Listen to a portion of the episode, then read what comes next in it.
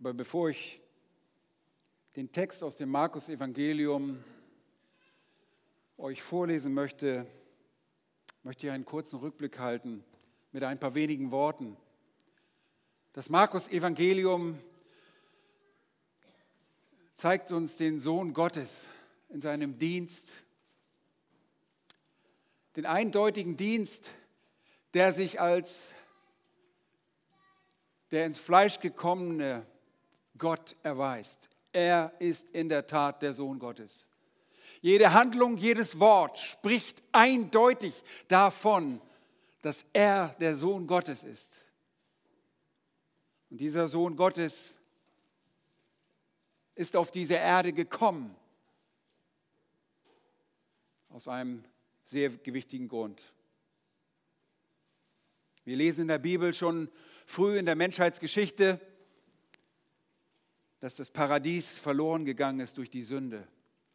Und wir leben in einer schrecklichen Welt, in einer Welt, die nur noch da schön ist, wo Gott seine allgemeine Gnade leuchten lässt.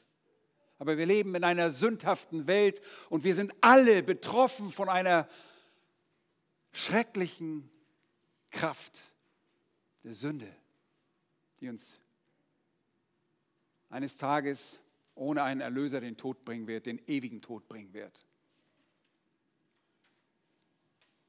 Und deshalb kam der Herr Jesus Christus, weil der Vater die Sünder, weil Gott, der dreieine Gott, die Sünder strafen muss. Das ist seine Gerechtigkeit. Er ist ein gerechter Gott. Und ein gerechtes Urteil über die Sünde bedeutet den ewigen Tod. Die ewige Trennung von Gott. So heilig ist unser Gott.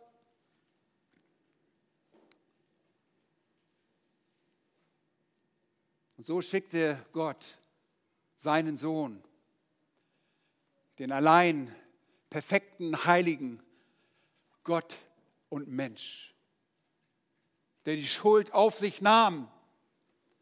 Für alle, die an ihn glauben würden, an dieses Erlösungswerk, das er im Begriff ist, im Markus-Evangelium gerade über sich ergehen zu lassen, bereit, den ewigen Ratschluss auszuführen, um zu sterben am Kreuz. Ihr erinnert euch, wir sind in der Leidenswoche unseres Herrn Jesus Christus und wir beschäftigen uns zurzeit mit den Akteuren im Vorfeld dieses Verhaftungsdramas Jesu. Und wir sind dort in einem zweiten Teil. Beim letzten Mal haben wir uns die Feinde angesehen und jetzt sehen wir uns an, wie Jesus geehrt wird.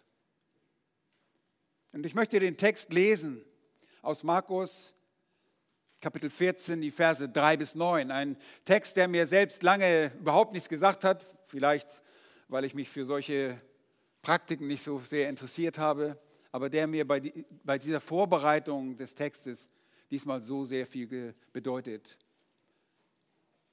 und der uns herausfordert, uns Gott ganz hinzugeben. Da heißt es, und als er, das ist Jesus in Bethanien im Haus Simons des Aussätzigen war und zu Tisch saß, da kam eine Frau mit einem Alabasterfläschchen voll Salböl, echter, kostbarer Nade. Und sie, sie zerbrach das Alabasterfläschchen und goss es aus auf sein Haupt. Es wurden aber etliche unwillig bei sich selbst und sprachen, wozu diese Verschwendung des Salböls geschehen? Man hätte dies doch um mehr als 300 Denare verkaufen und den Armen geben können. Und sie murrten über sie. Jesus aber sprach, lasst sie, warum bekümmert ihr sie? Sie hat ein gutes Werk an mir getan, denn die Armen habt ihr alle Zeit bei euch und ihr könnt ihnen Gutes tun, wann immer ihr wollt. Mich aber habt ihr nicht alle Zeit. Sie hat getan, was sie konnte. Sie hat meinen Leib im Voraus zum Begräbnis gesalbt. Wahrlich, ich sage euch, wo immer dieses Evangelium verkündigt wird, in der ganzen Welt, da wird man auch von dem sprechen, was diese getan hat, zu ihrem Gedenken. Eine wahre Anbeterin ehrt ihren Herrn. Mach es ihr gleich. Lass mich vor der Predigt mit euch beten. Herr, wir danken dir für dein kostbares Wort, ob es nun das Markus-Evangelium ist oder andere Teile der Heiligen Schrift. Dein Wort ist die Wahrheit. Es offenbart deinen wunderbaren heiligen Charakter, deinen ewigen Ratschluss. Herr, und du bist im Begriff, das verlorene, gegangene Paradies wiederherzustellen. Und du hast alles dafür getan, damit das eine Tatsache wird. Und es besteht kein Zweifel daran, dass es geschehen wird, denn das, was du zusagst, das hältst du gewiss. Dein Wort ist gewiss, denn du bist der unveränderliche, du bist der wahrhaftige Gott. Dich beten wir an. Öffne du jetzt unsere Ohren und unsere Herzen, damit wir wahrhaftig dein Wort erkennen und hören, wie wahre Jünger hören. Zu deiner Verherrlichung in Jesu Namen. Amen. Als der amerikanische Evangelist John William Chapman am Anfang des 20. Jahrhunderts in London weilte, hatte er die, die Gelegenheit, General William Booth, den Gründer der Salvation Army, der Heilsarmee, zu treffen. Und zu diesem Zeitpunkt war dieser geistliche General bereits über 80 Jahre alt. Dr. Chapman hörte ehrfürchtig zu, als der alte Booth von den Prüfungen, den Konflikten und den Siegen seines Lebens sprach. Und dann fragte der amerikanische Evangelist den General, ob er ihm sein Erfolgsgeheimnis verraten würde. Er zögerte eine Sekunde, sagte Dr. Chapman, und ich sah, wie ich ihm, wie ihm die Tränen in die Augen traten und über seine Wangen liefen, und dann sagte er, ich werde Ihnen das Geheimnis verraten. Gott hat alles von mir bekommen, was er wollte. Es gab Männer mit größerem Verstand als ich, Männer mit größeren Möglichkeiten. Aber von dem Tag an, an dem ich die Armen von London auf dem Herzen hatte und eine Vision davon, was Jesus Christus mit den Armen von London tun könnte, beschloss ich, dass Gott alles von William Booth haben würde, was es gab. Und wenn es heute in der Heilsarmee irgendetwas an Macht gibt, dann deshalb, weil Gott die ganze Anbetung meines Herzens, die ganze Kraft meines Willens und den ganzen Einfluss meines Lebens hat. Dr. Chapman sagte, dass er aus dieser Begegnung mit General Booth mit der Erkenntnis hervorging, dass die Größe der Macht eines Menschen das Maß seiner Hingabe ist. Wie sieht das Maß deiner Hingabe an Gott aus? Wir wollen heute eine Frau betrachten, die dem Herrn so ergeben war, dass sie ihm alles gab, was sie konnte. Und sie erwies dem Herrn Jesus alle Ehre und Anbetung. Und das sogar noch bevor dessen Tod. Als der Widerstand der jüdischen Leiter sich dem Zenit, dem Höhepunkt näherte, war diese Frau bereit, dem Herrn ihre ganze Ergebenheit zu erweisen. Als der engere Jüngerkreis Jesu noch darüber stritt, stritt, wer wohl der Größte im Reich Gottes sein würde, fiel sie dem Schöpfer, dem Retter und Herrn der Herren, dem ewigen König, in sichtbarer Art und Weise anbeten zu Füßen, ihm zu Füßen. Lieben, ich bete, dass ihr heute von dem Vorbild dieser Frau lernt und in Hinsicht auf ihre Ergebenheit immer an diese Frau denkt. Nun, wir halten heute mit unserer Textpassage aus Markus einen kleinen Rückblick auf die Zeit unmittelbar nach dem Eintreffen Jesu in Jerusalem.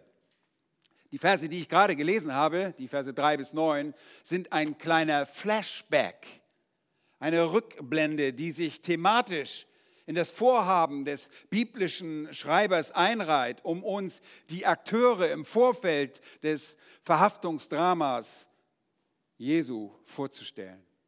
Und wir haben in den Versen 1 und 2 den Hohen Rat gesehen und ihre Wiederaufnahme des Tötungsplanes, ein Plan, der, was die zeitliche Umsetzung anbelangte, im Leeren, im Nichts verlief. Ein Plan, der aus selbstsüchtigen und Motiven der Menschenfurcht, ihr erinnert euch, bestand und deshalb keinen Bestand haben konnte. Gottes eigener Plan überschrieb den Plan des Sanhedrins, des Hohen Rates, weil seine Pläne immer Bestand haben. Welch wunderbare Zuversicht. Und jetzt, in unserem Text, stellt uns Johannes Markus unter der Leitung des Heiligen Geistes eine dem Herrn sehr wohlgesonnene und eine ergebene Person vor. Eine wahre Anbeterin ehrt ihren Herrn. Mach es ihr gleich. Tu es ihr gleich, ahme sie nach und schau genau hin, wenn wir können, wenn wir können von dieser Person, denn wir können von dieser Person und ihrer Handlung an dem Herrn sehr viel lernen. Dinge, die ich all die Jahre einfach flüchtig übersehen habe. Wir können Rückschlüsse ziehen, die für dich und mich heute wichtig sind. Erstens wollen wir uns die ehrerbietige Handlung ansehen. Die ehrerbietige Handlung. Und da heißt es nochmals, Vers 3, und als er, Jesus in Bethanien, im Haus Simons des Aussätzigen war und zu Tisch saß, da kam eine Frau mit einem Alabasterfläschchen voll Salböl, echter kostbarer Nade. Und sie zerbrach das Alabasterfläschchen und goss es aus auf sein Haupt. Lass mich einmal kurz die Geschichte für euch in ihrem zeitlichen Kontext aufrollen. Man könnte anhand dieses Berichtes meinen und auch vom Bericht des Matthäus ausgehen, dass sich dieses Ereignis direkt an die Ölbergrede anschließt, aber dem ist nicht so. Wir lesen nämlich im Johannesevangelium einen Parallelbericht von einer sehr genauen Zeitangabe in Bezug auf dieses Ereignis. Und ihr könnt es aufschlagen, Johannes Kapitel 12, und das ist genau dieses Ereignis, das ja von den Evangelisten Matthäus und auch Johannes, dem Apostel, festgehalten wurde. Und dort lesen wir in den Versen 1 und 2, sechs Tage vor dem Passa kam Jesus dann nach Bethanien, wo Lazarus war, der tot gewesen war und den er aus den Toten auferweckt hatte. Sie machten ihm nun dort ein Gastmahl und Martha diente, Lazarus aber war einer von denen, die mit ihm zu Tisch saßen. Seht ihr, wir sind jetzt auf einmal zurück, sechs Tage vor dem Passa. Das wäre der Sabbat unmittelbar vor der Leidenswoche Jesu. Das ist der Tag, an dem Jesus wieder nach Bethanien kam. Zuvor, so erinnert ihr euch vielleicht auch durch diesen Text jetzt, hatte Jesus Lazarus aus dem Tod auferweckt. Ein dramatisches Ereignis. Der Sanhedrin äh, besorgte sich sehr über dieses Ereignis. Und er tagte sofort nach diesen eindeutigen Zeichen des Herrn Jesus Christus, denn sie vermochten diese Zeichen nicht zu leugnen. Und wir lesen dann in den Versen 47 und 48 und 53 weiter, wie sie beratschlagen. Und ich lese nur Vers 53 vor und danach auch noch Vers 54, um euch zu zeigen, was Jesus daraufhin tat. Vers 53 heißt es, von jenem Tag an beratschlachten sie nun miteinander, um ihn zu töten. Okay, das ist für uns nichts Neues, darüber haben wir letztes Mal gesprochen. Der Ausschlag darüber war, dass Jesus Lazarus aus den Toten auferweckt hatte. Und sie wollten nicht nur Jesus töten, sondern sie wollten auch den, die Beweisperson töten. Sie wollten auch Lazarus töten. Und Vers 54 heißt es dann, darum ging Jesus nicht mehr öffentlich unter den Juden umher, sondern zog von dort weg in die Gegend nahe bei der Wüste in eine Stadt namens Ephraim und hielt sich dort auf mit seinen Jüngern. Also sechs Tage nun vor dem Passa kehrt Jesus von diesem wohl etwas sicheren äh, sicheren äh, Fluchtort und Aufenthaltsort Ephraim zurück und kommt wieder nach Bethanien zurück. Wir lesen, dass dort ein Gastmahl veranstaltet wird. Das sagt unser Text. Braucht nur in Markus 14 hineinzuschauen, da heißt es, und als er in Bethanien im Haus Simons des Aussätzigen war und zu Tisch saß. Er war in Bethanien und wir kennen Bethanien bisher durch die Geschwister Martha, Maria und Lazarus. Aber die erwähnt weder Markus noch Matthäus mit Namen. Und vielleicht wollten diese beiden Autoren die Identität dieser Familie zur Zeit der früheren Abfassung der beiden Evangelien Matthäus und Markus, vielleicht wollten sie die Identität dieser Familie schützen Später zur Abfassungszeit des Johannes war die potenzielle Gefahr der Verfolgung für diese Person offenbar nicht mehr vorhanden. Vielleicht waren Martha, Maria und auch Lazarus schon gestorben. Wir erinnern uns, Johannes schreibt sehr spät, in den 90er Jahren. Offenbar gibt es aber jetzt in Bethanien ein Fest. Und es ist ein Fest, das zu Ehren des Herrn Jesus in dem Haus eines gewissen Simon gegeben wird. Und es war nicht unüblich, dass man Menschen, die man ehren wollte, die man schätzte, dass man ihnen ein, Ehren, ein Ehrenfest oder ein, ein Festmahl bereitete, ein Gastmahl. Und über diesen Simon, Simon war so ähnlich wie der Name Peter oder was weiß ich, welcher Name heute vorkommt oder Thomas oder Markus oder äh, Namen, die sehr häufig vorkamen in der Bibel. Aber wir wissen wirklich nichts über diesen Simon, nur dass der Zusatz Aussätziger dort steht. Und er hatte ein Haus in Bethanien. Nun, es ist klar, dass er nicht aussätzig sein konnte, denn den Aussätzigen war es nicht gestattet, irgendwie unter den Gesunden zu verkehren und auch noch ein Gastmahl zu geben. Guten Appetit, ja. Nein, das kann also nicht sein. Deshalb gehen wir davon aus, dass dieser Simon ein ehemaliger Aussätziger war, den der Herr geheilt hatte. Und ihr wisst, dass Jesus immer sehr großes Mitgefühl hatte mit aussätzigen und kranken Menschen und sie jedes Mal an jedem Ort heilte. Und es scheint außerdem so, dass dieser Simon ein wohlhabender Mann war und ein Haus besaß, das auch groß genug war, um Gastgeber für ein Fest zu sein, bei dem Jesus die Ehre erhielt. Und auch seine begleitenden Jünger und einige andere Freunde und solche, die uns nicht bekannt waren und bekannt sind, hatten dort Platz. Und ich gehe davon aus, dass die Beteiligten dem Herrn wohlwollend gegenüber waren. An einem Ehrenmal nimmt man nun mal teil, um jemanden zu ehren. Möglicherweise waren auch welche aus Pflichtgefühl da. Aber dieses Gastmahl, das man dort veranstaltet, war also im vollen Gange. Und weil Jesus hier zu Tisch lag, denken wir, dass alle Gäste zu Tisch lagen, obwohl das griechische Wort ist nicht, äh, ja, wie es dort steht, saß. In eurem Text guckt ihr und es steht, er saß doch am Tisch. Nein, das griechische Wort, das hier gebraucht wird, ist liegen, denn Gäste lagen nach der damaligen Sitte mit halb aufgerichteten Oberkörper auf Kissen gestützt um einen halbrunden, halbhohen Tisch, nicht halbrund, Nun, das Fest war im Gange, und, aber es geschieht etwas Außergewöhnliches. Es ist zumindest für die Anwesenden eine äußerst ungewöhnliche Begebenheit.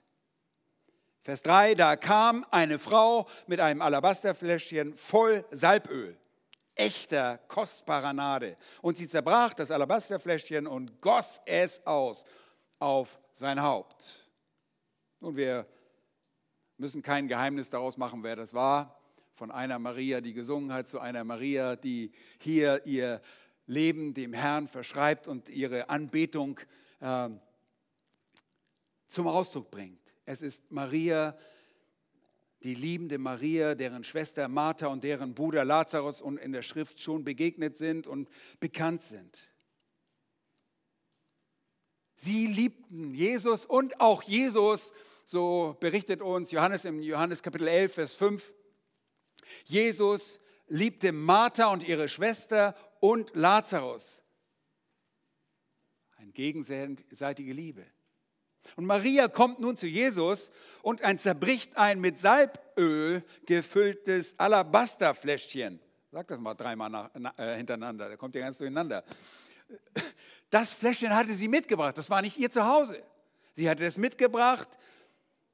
Alabaster ist eine Ausbildung des Mineral des Gipses, also aus Gips, chemisch gesehen ist es wasserhaltiges Calciumsulfat.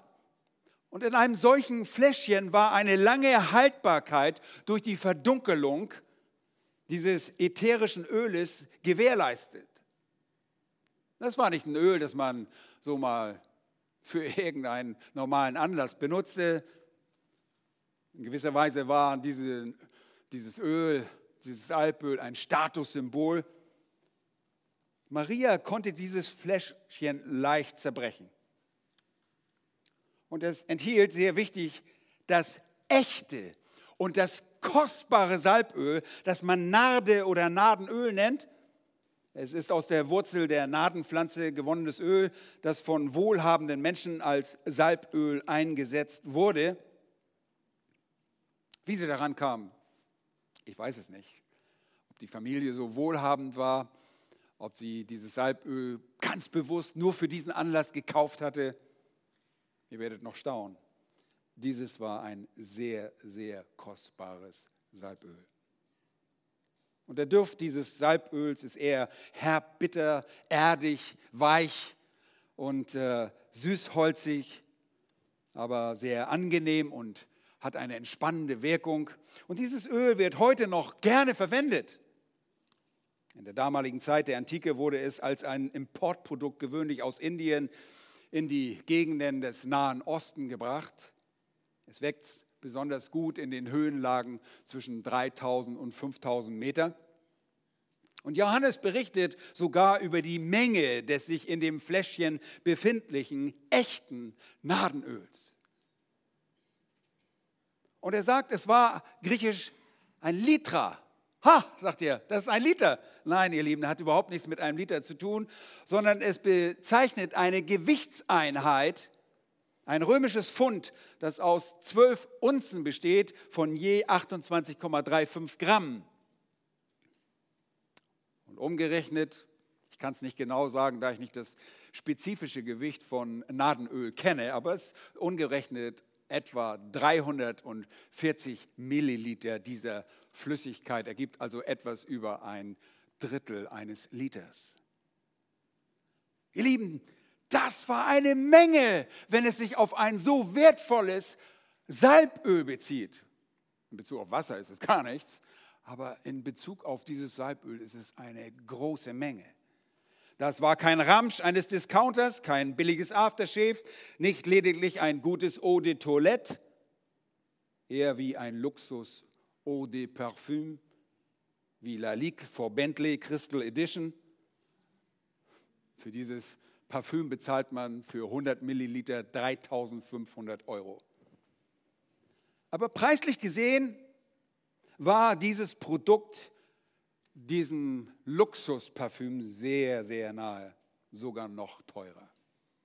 Dieses Nadenöl war hochwertig vergleichbar mit den kostspieligsten Parfüms dieser Welt. Und ich meine jetzt nicht diese Parfümflasche, die es da äh, das, den Rekord gebrochen hat mit 375.000 Euro. Das ist irgendwas für Irre, die nicht wissen, wo sie ihr Geld hinstecken.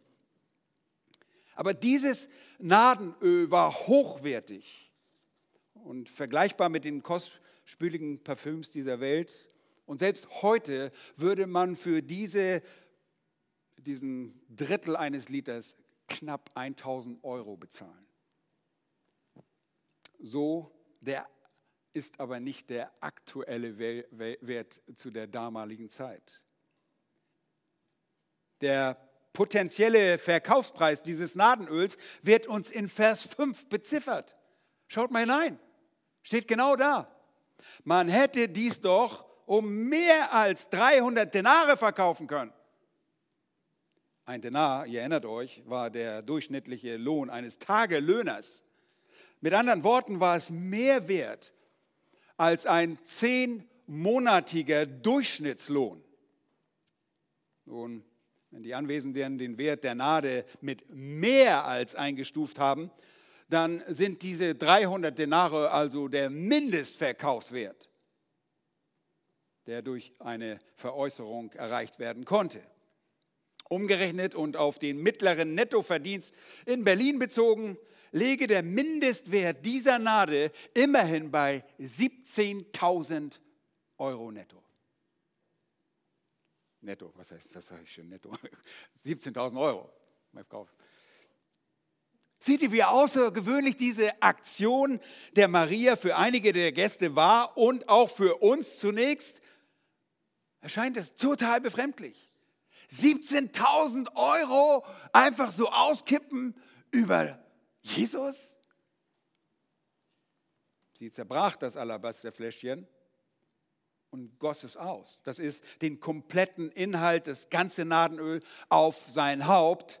Und der Zerbruch dieses Fläschchens spricht von Marias Entschlossenheit, dass sie alles nahm, was darin war. Und dass sie auch nicht vorhatte, einen Rest wieder mit nach Hause zu nehmen. Sonst hätte man eine Flasche geöffnet und ein bisschen ausgekippt. Aber sie zerbricht die Flasche.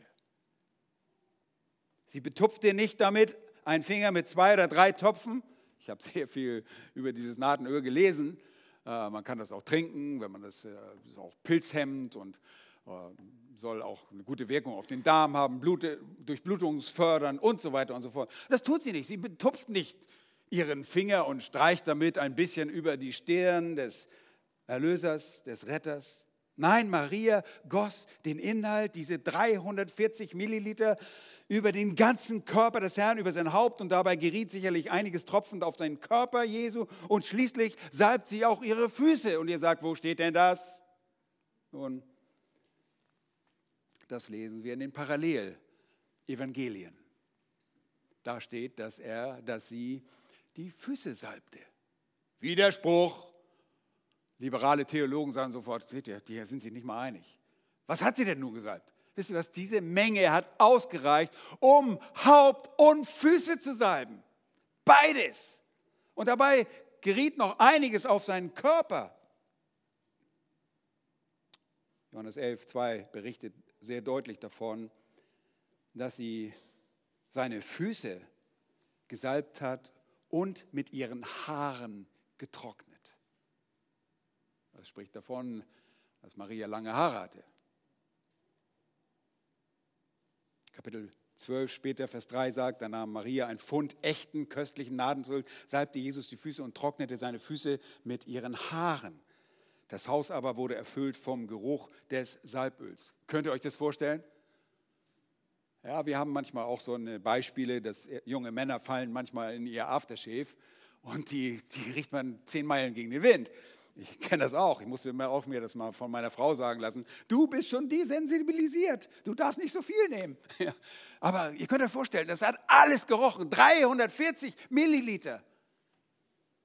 Seht ihr die kostbare, echte Nade? Das ist kein Nadenimitat, goss sie auf das Haupt. Und Markus berichtet, dass sie das Haupt salbte, wie man es bei der einsetzenden Salbung von Königen, Priestern und auch anderen Würdenträgern tun würde. Eine Salbung, die von der Wertschätzung aber auch eine Weihung anzeigte.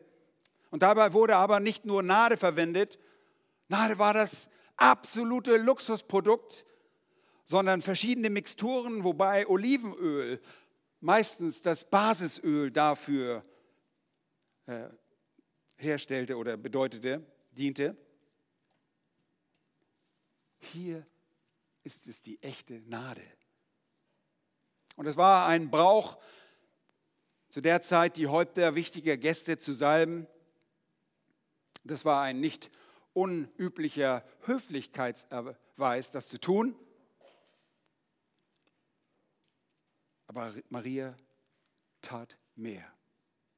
Sie salbte mit der reinsten Form der Nadel nicht nur das Haupt, sondern auch diese, dessen Füße, was an sich schon ein äußerst demütiger Akt der Wertschätzung war, bei der sich ein Salbender hinknien musste, um die Füße, die weit vom Tisch hinweg gestreckt wurden. Ihr könnt euch vorstellen, sie liegen alle um den Tisch, die Köpfe sind alle beisammen, die Füße sind alle nach hinten ausgestreckt.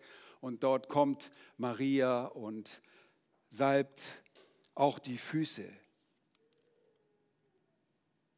Vielleicht hatten Maria und Martha auch bei der Fußwaschung beim Eintritt in das Haus des Simons gedient. Wir wissen es nicht. Aber diese Handlung übertrifft das alles für möglich gehaltene. Da kann man wirklich schweinen, genau. Ja. Ihr Lieben, wir lesen von einer ehrerbietigen Salbung durch eine Prostituierte in Lukas Kapitel 7. Und in Lukas Kapitel 7 könnt ihr nachlesen, äh, denken einige, das wäre Maria Magdalena. Äh, dort wird nicht von der reinen Nade gesprochen.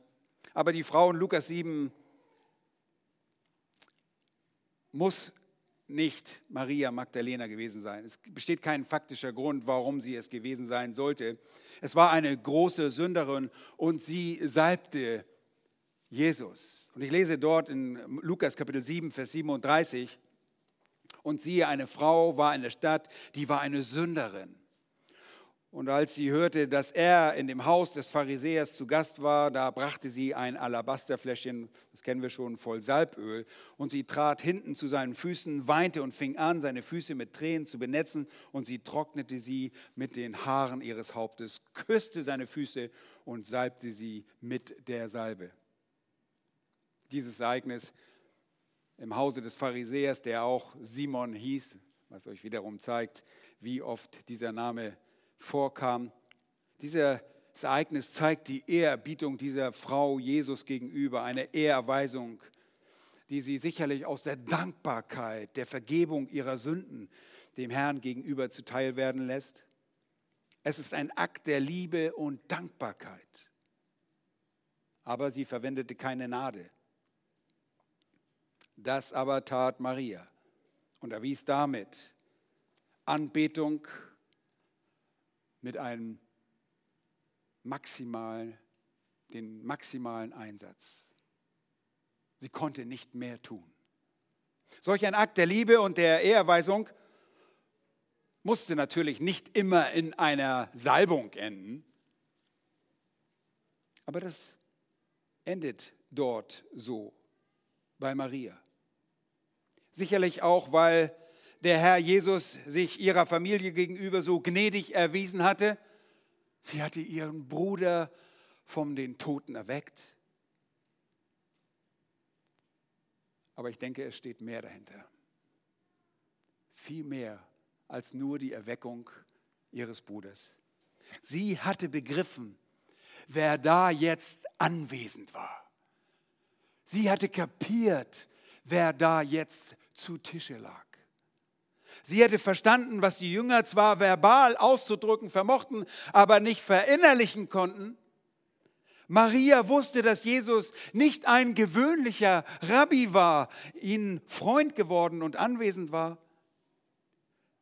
Sie realisierte, wer Jesus wirklich war.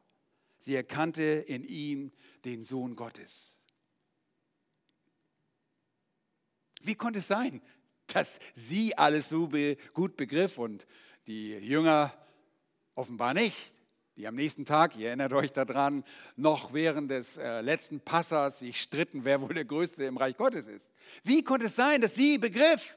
Wie konnte sie eine wahre Anbeterin sein und ihn als Herrn ehren?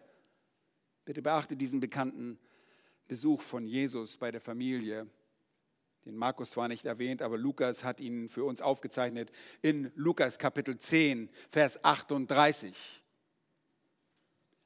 Dieser Besuch findet statt, zeitlich, um das ein bisschen zeitlich einzuordnen, zwischen der zweiten ähm, Leidensankündigung und der dritten, gleich nach Markus Kapitel 9.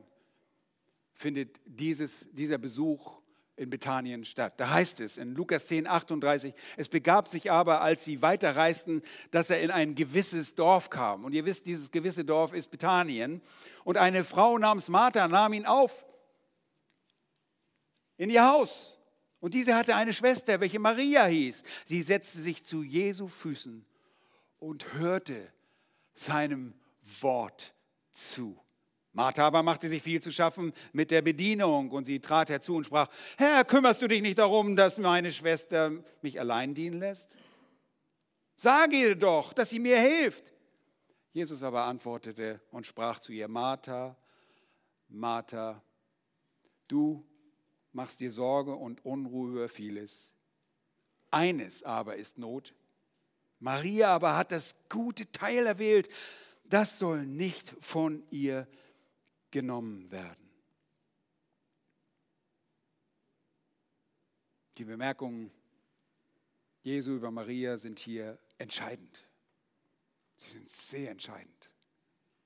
Um ein wahrer Anbeter Gottes zu werden, musst du zu den Füßen Jesu sitzen. Ich spreche jetzt bildlich für euch und für uns. Wir können nicht zu den Füßen Jesu sitzen. Du musst dem Worten, auf die Worte Gottes achten. Und die Bibel wird auch genannt, das Wort Gottes, aber das Wort des Christus. Wir müssen auf das Wort des Christus hören. Du musst dem Wort Gottes zuhören und dich nicht in Aktivitäten stürzen.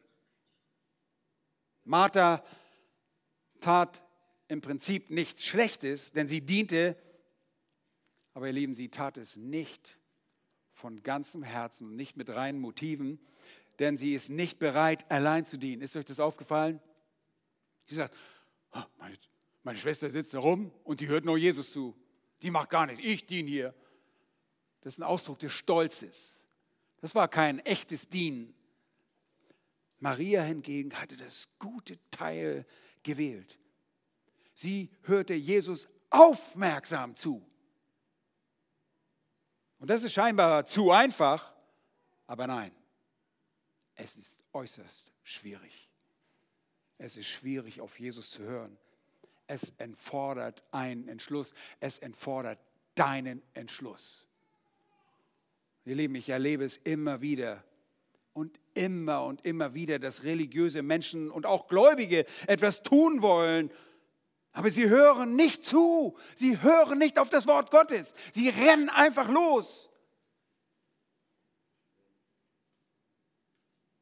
Menschen sind oft so unbelehrbar. Sie hören nur oberflächlich auf das Wort Gottes und wollen ihre eigenen Dinge einfach nur durchziehen. Lass mich das selbst machen, ich mache das schon. Sie hören nicht zu. Wollt ihr den Herrn anbeten und eine ähnliche Anerkennung des Herrn empfangen, denn sie wird anerkannt vom Herrn. Ich komme noch dazu. Dann hört, wie Maria gehört hat. Schenkt eure Aufmerksamkeit dem Wort des Christus und rennt nicht gleich los, um letztlich im blinden Eifer irgendwie zu dienen. Ja, durch Aktivität kann man sich vielleicht schnell bei Menschen beliebt machen, aber das ist nicht zur Ehre Gottes. Eifer ohne die rechte Kenntnis ist lediglich eine leere, fleischliche Aktivität, die nicht zur Herrlichkeit Gottes gereicht. Solche Aktivität ist schlecht. Ihr denkt, oh, das kann doch gar nicht schaden. Sie ist schlecht. Sie fordert, sie fördert bestenfalls euren Stolz.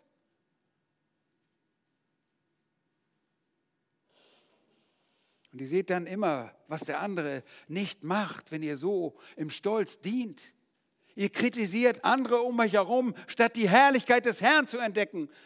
Nehmt euch Zeit, die Bibel zu lesen und darüber nachzusinnen. Ihr kommt nicht daran vorbei, wenn ihr wahre Kinder Gottes seid und ihn anbeten wollt. Hört, hört und nochmals hört. Wer Ohren hat zu hören, der höre. Und aus dem wahren Hören erwächst ein tatsächlich Sein des Tuns, ein, ein Tätersein. Wenn Jakobus sagt, seid aber Täter, dann spricht er an das, das Wesen des Menschen an. Ein wahrer Christ ist immer ein Täter. Und du kannst nur ein wahrer Christ sein, wenn du genau zuhörst, was seine Forderungen sind, was er von dir möchte. Gott ist jetzt in dem Haus des Simons. Und das verstand sie offenbar mehr als die anderen Jünger zu diesem Zeitpunkt. Und die Salbung war ein unmittelbarer Akt der Liebe und Danksagung, aber darüber hinaus ein Akt der Anbetung um Christi willen. Eine wahre Anbeterin ehrt ihren Herrn. Mach es ihr gleich. Aber rechne mit Kritik. Zweitens, die erfahrene Kritik. Verse 4 und 5. Es wurden aber etliche unwillig bei sich selbst und sprachen, wozu ist diese Verschwendung des Salböls geschehen? Man hätte dies doch um mehr als 300 Denare verkaufen und den Armen geben können. Und sie mordten über sie. Etliche, etliche wurden unwillig. Nicht ein oder zwei, es waren mehrere aus der Gesellschaft des Gastmahles, die sich abfällig über das Handeln der Maria äußern. Sie waren überfordert und gereizt und es fehlte ihnen eine ähnlich ehrfürchtige Überzeugung. Sie erkannten nicht den, der vor ihnen saß. Es fehlte ihnen die Bewunderung des Herrn. Ich meine, ihr Lieben, Jesus hat gerade den Toten auferweckt. Wie oft ist das in eurem Leben passiert? Gar nicht. Hier war der Sohn Gottes mitten unter den Menschen. Und sie hatte das begriffen. Diese Salbung mit der kostbaren Nade sieht für weniger ergebene Menschen verschwenderisch aus. Na, stell dir vor, gehen wir mal von 17.000 Euro aus. Da wäre für mich ein Motorrad drin, äh, dann wäre für mich noch eine neue Stereoanlage drin und 5000 Euro für den Herrn in die Kollekte wäre auch nicht schlecht, oder? Oder ich kaufe mir einen Dienstwagen, die für den Herrn einsetze, einer, der möglichst bequem ist. Ihr Lieben, ihre Gabe war selbstlos. Dieses Öl, sie hatte nur den Duft davon und der verflog. Sie ehrte ihn selbstlos.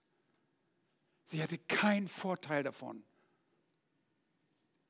Sie ehrte nur den Herrn. Diese Salbung mit der kostbaren Gnade sieht deshalb verschwenderisch aus. Es sieht für Menschen, die Jesus nicht erkannt haben, wie eine große Dummheit aus.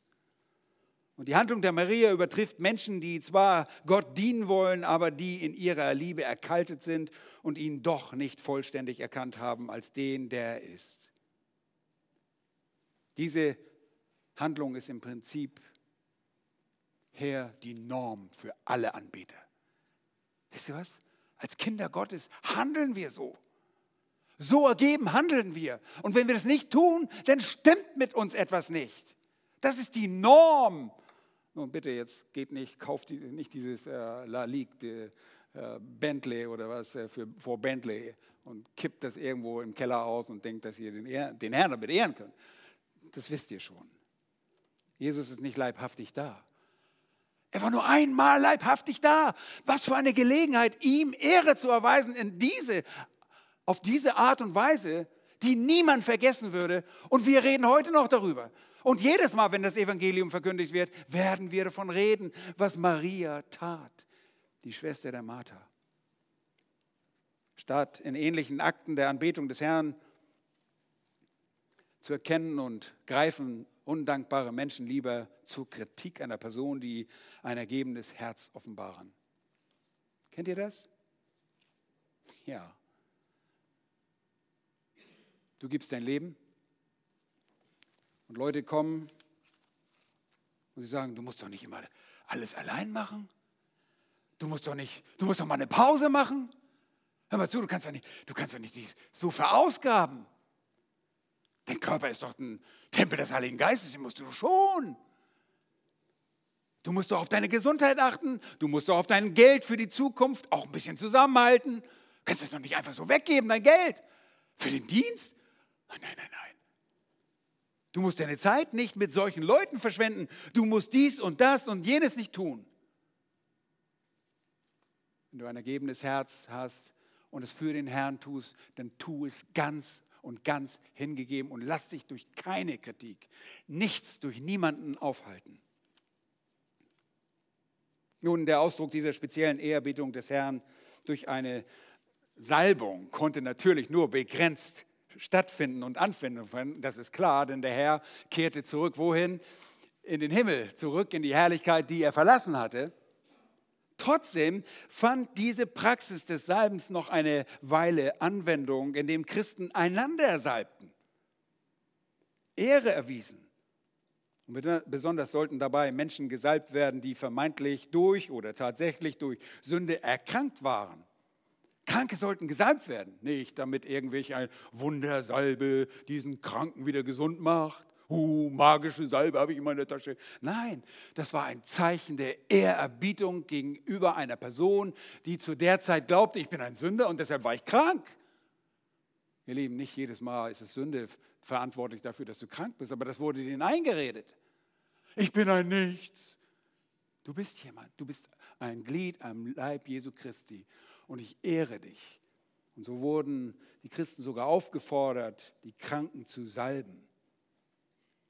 Nun, du kannst den Herrn auch ohne eine physische Salbung ehren, mit derselben Einstellung, die eine Salbung solchen Ausmaß voraussetzte. Aber etliche verkennen, verachten. Und schaut einmal, der Herr sagt in Vers 6, Sie bekümmerten sie, sie verachteten das, sie verachten das gute Werk und sie bekümmerten sie. Was bekümmert ihr sie? Und da ist jemand, der ergibt sich dem Herrn und jetzt kommen gleich andere und bekümmern die Person, die dem Herrn ergeben ist. Dabei ist ein lautstarker und scheinheiliger Rebell, der immer schon fromm tat, aber doch letztlich offenbar wurde als Sohn des Verderbens, der lauteste. Und ihr könnt es nachlesen, bitte schlagt einmal eure Bibeln auf in Johannes Kapitel 12. Und dort lesen wir, dass derjenige, der der Wortführer in diesem war, obwohl er nicht der Einzige war, war der Wortführer Judas. Judas Ischariot. Und ich lese dort in 12, Vers 6. Da sagt er, ich fange in Vers 4 an, da spricht Judas, Simons Sohn der Ischariot, noch ein Simon, einer seiner Jünger, der ihn danach verriet. Warum hat man dieses Salböl nicht für 300 Danare verkauft und es in Armen gegeben? Das sagte er aber nicht, weil er sich um die Armen kümmerte, sondern weil er ein Dieb war und den Beutel hatte und trug, was hineingelegt wurde, eingelegt wurde. Seht ihr, die Jünger hatten eine Kasse, die mussten ja auch von etwas leben. Und Judas war derjenige, der diese Kasse hatte und der hat sich da fleißig dran bedient. Und keiner verdächtigte Judas. Als Jesus sagte beim letzten Passer, einer von euch wird mich verraten, haben sie sich alle gefragt, ja doch nicht ich. Keiner hat gesagt, ja, ja, Judas. Judas ist ganz eindeutig. Nein, Judas war ein Scharlatan und ein Heuchler sondergleichen. Und auch diese Aussage war nichts als Heuchelei. 300 Denare mehr in der Kasse? Hm, nicht schlecht. Das wäre eine gute, äh, ein gutes Taschengeld nebenbei, was er sich da holen konnte. Nun, die Kritiker halten den Akt der Anbetung für eine Verschwendung und sehen in dem, was Maria mit dem wertvollen Rohstoff tat, einfach nur eine Verschwendung und sie sagen, man hätte das doch verkaufen können. Lass dich in deiner Hingabe nicht beehren.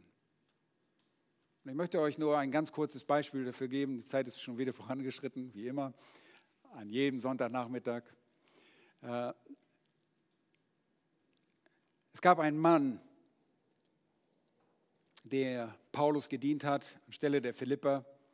Sein Name war Epaphroditus. Und er wurde todkrank. Todkrank. Und ihr glaubt gar nicht, wie, wie krass manchmal die deutschen Christen sind. Du kommst irgendwo krank von irgendeiner Reise und kommst nach Hause und die sagen dir ins Gesicht, du siehst wie aus der Wand gespuckt aus. So freundlich wird man manchmal begrüßt von Christen. Ja? Könnt ihr euch vorstellen, was man mit Epaphroditus gemacht hätte? Der, wurde dem, der kam dem Tod nahe.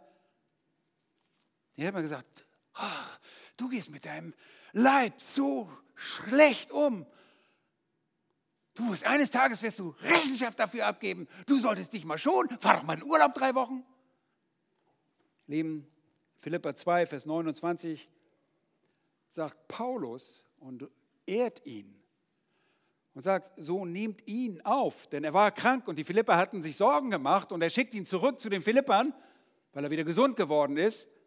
So nehmt ihn nun auf in dem, im Herrn mit aller Freude und haltet solche in Ehren.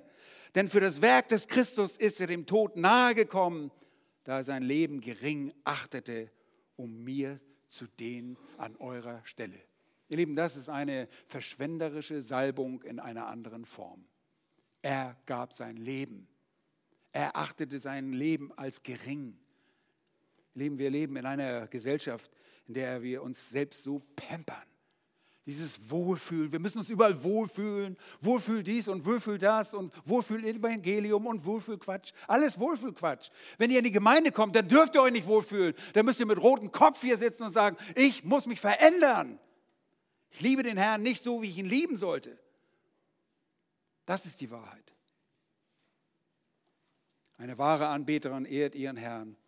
Mach es, tu es ihr gleich. Und dann drittens, rechne mit der Anerkennung des Herrn, die erhaltene Anerkennung. Und das möchte ich in zweierlei Hinsicht so verstanden haben, das Erhaltene. Die Erhaltene, sie erhält Anerkennung von dem Herrn der Herren, dem König der Könige, denn er verteidigt sie und lobt sie. Sie erhält Anerkennung von dem Herrn, den sie geehrt hat. Aber die erhaltene Anerkennung bleibt erhalten. Die erhaltene für uns. Wir gedenken dieser Maria immer noch heute. Wenn das Evangelium verkündigt wird, wollen wir bewusst daran denken, dass mit dem Evangelium auch eine Hingabe erforderlich ist. Das Evangelium ist nicht, komm zu Jesus und er führt dich in den Himmel und du hast dein Ticket in den Himmel. Die, der Ruf in die Nachfolge ist ein Ruf der Hingabe. Wir verkündigen kein billiges Evangelium, keine billige Gnade, sondern wir rufen dazu auf, wozu Jesus aufgerufen hat. Komm, folge mir danach, verleugne dich selbst und nimm dein Kreuz auf dich. Wie oft täglich. Sei bereit zu sterben. Nun, hier heißt es, Jesus aber sprach, lasst sie, warum bekümmert ihr sie? Sie hat ein gutes Werk an mir getan. Denn die Armen habt ihr alle Zeit bei euch und ihr könnt ihnen Gutes tun, wann immer ihr wollt. Mich aber habt ihr nicht alle Zeit. Sie hat getan, was sie konnte. Und sie hat meinen Leib im Voraus zum Begräbnis gesalbt. Wahrlich, ich sage euch, wo immer dieses Evangelium verkündigt wird, in der ganzen Welt, da wird man auch von dem sprechen, was diese getan hat, zu ihrem Gedenken. Nun, Jesus weist die Kritiker zurück. Und er zeigt, worin diese Handlung ihren Wert hatte. Es war ein gutes Werk. Es ist die Richtigstellung der Handlung. Jesus sieht in ihrer Salbung ein gutes Werk an sich selbst. Ich meine, wie lange Zeit hatte man noch? Zwei Tage bis zu seinem Tod. Drei Tage bis zu seiner Auferstehung danach.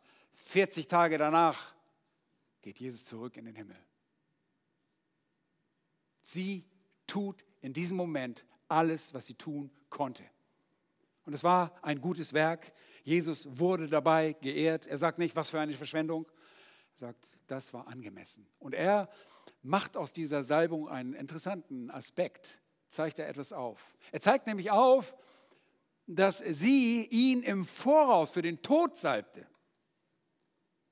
Denn wenn ihr euch daran erinnert, als Jesus starb, am Freitag, an dem Passa, das war der sogenannte Rüsttag für den Sabbat, die Leiche des Herrn musste sehr schnell abgenommen werden. Gewöhnlich salbte man einen, einen Toten vor dem Begräbnis. Das war aber nicht möglich. Und deshalb seht ihr auch in Markus Kapitel 16 und Vers 1, gehen sie am ersten Tag der Woche nach dem Sabbat, kaufen sie Spezereien und Salben und sie wollen Jesus salben. Und ihr Lieben, Frauen durften Männer und Frauen salben, Männer durften nur Männer salben. Sie durften es. Und hier heißt es, sie hat mich im Voraus zum Tod gesalbt, zum Begräbnis gesalbt. Seht ihr das in Vers 8? Nun, es ist nicht wahrscheinlich, dass Maria selbst daran gedacht hat, obwohl sie sicherlich äh, auch wusste, dass Jesus sterben würde. Sie wollte einfach ihre Hingabe zeigen. Und sie tat es als ein uneigennütziges Werk und betet Jesus an um seiner selbst willen. Und Jesus sagt, wisst ihr was, wenn ihr wirklich so euch hingeben wollt und die Armen fördern wollt, sie sind immer da. Jederzeit. Du findest immer irgendwo arme Leute in irgendeinem Slum oder in irgendeinem Stadtteil, in dem du lebst, gibt es immer arme Leute. Die kannst du immer helfen. Die sind immer da. Aber ich, ich bin nicht immer da. Und so war es eine angemessene Handlung. Er verteidigt sie und er sieht in ihrer Salbung eine Voraussalbung zum Begräbnis. Nun, diese Tat bleibt bestehen in unserem Gedenken.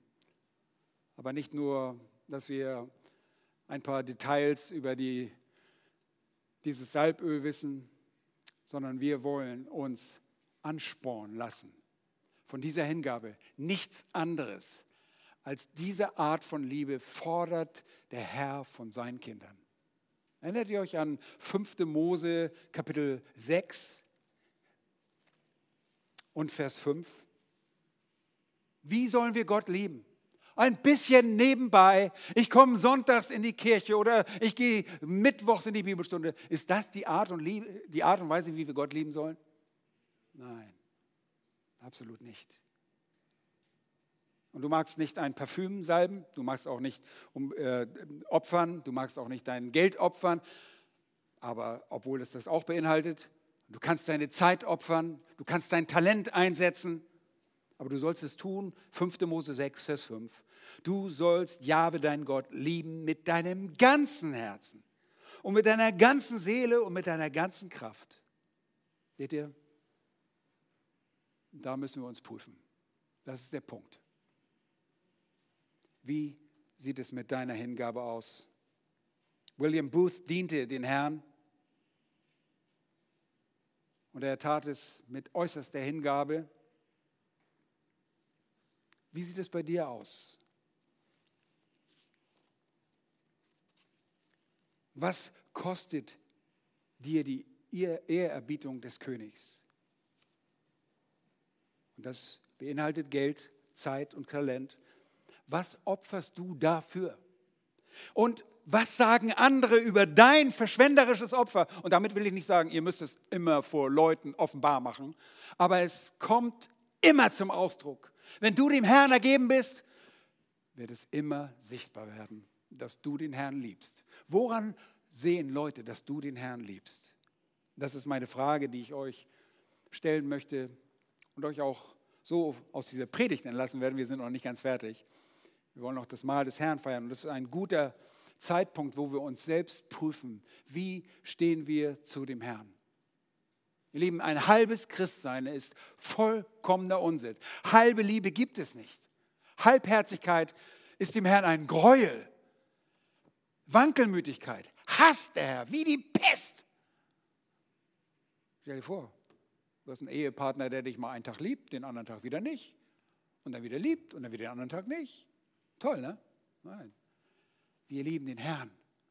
Und er hat uns sogar die Liebe gegeben. wir können ihn lieben.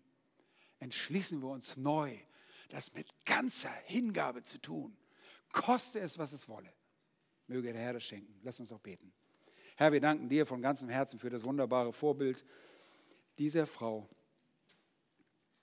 Nochmals, wir haben lange die Jünger beobachtet und ihre Halsstarrigkeit, ihre Begriffsstutzigkeit. Danke, dass du mit ihnen auch zum Ziel gekommen bist. Danke, dass du mit uns, die wir genauso begriffsstutzig oft sind, dass du auch mit uns zum Ziel kommst, wenn wir tatsächlich deine Jünger sind. Herr, hilf uns, dass wir uns prüfen, ob wir dich wirklich von ganzem Herzen lieben oder ob wir mit all unserer Kraft etwas vortäuschen. Herr, du bist unsere Liebe. Mehre uns unsere Liebe und unser Verständnis dafür, wer du wirklich bist.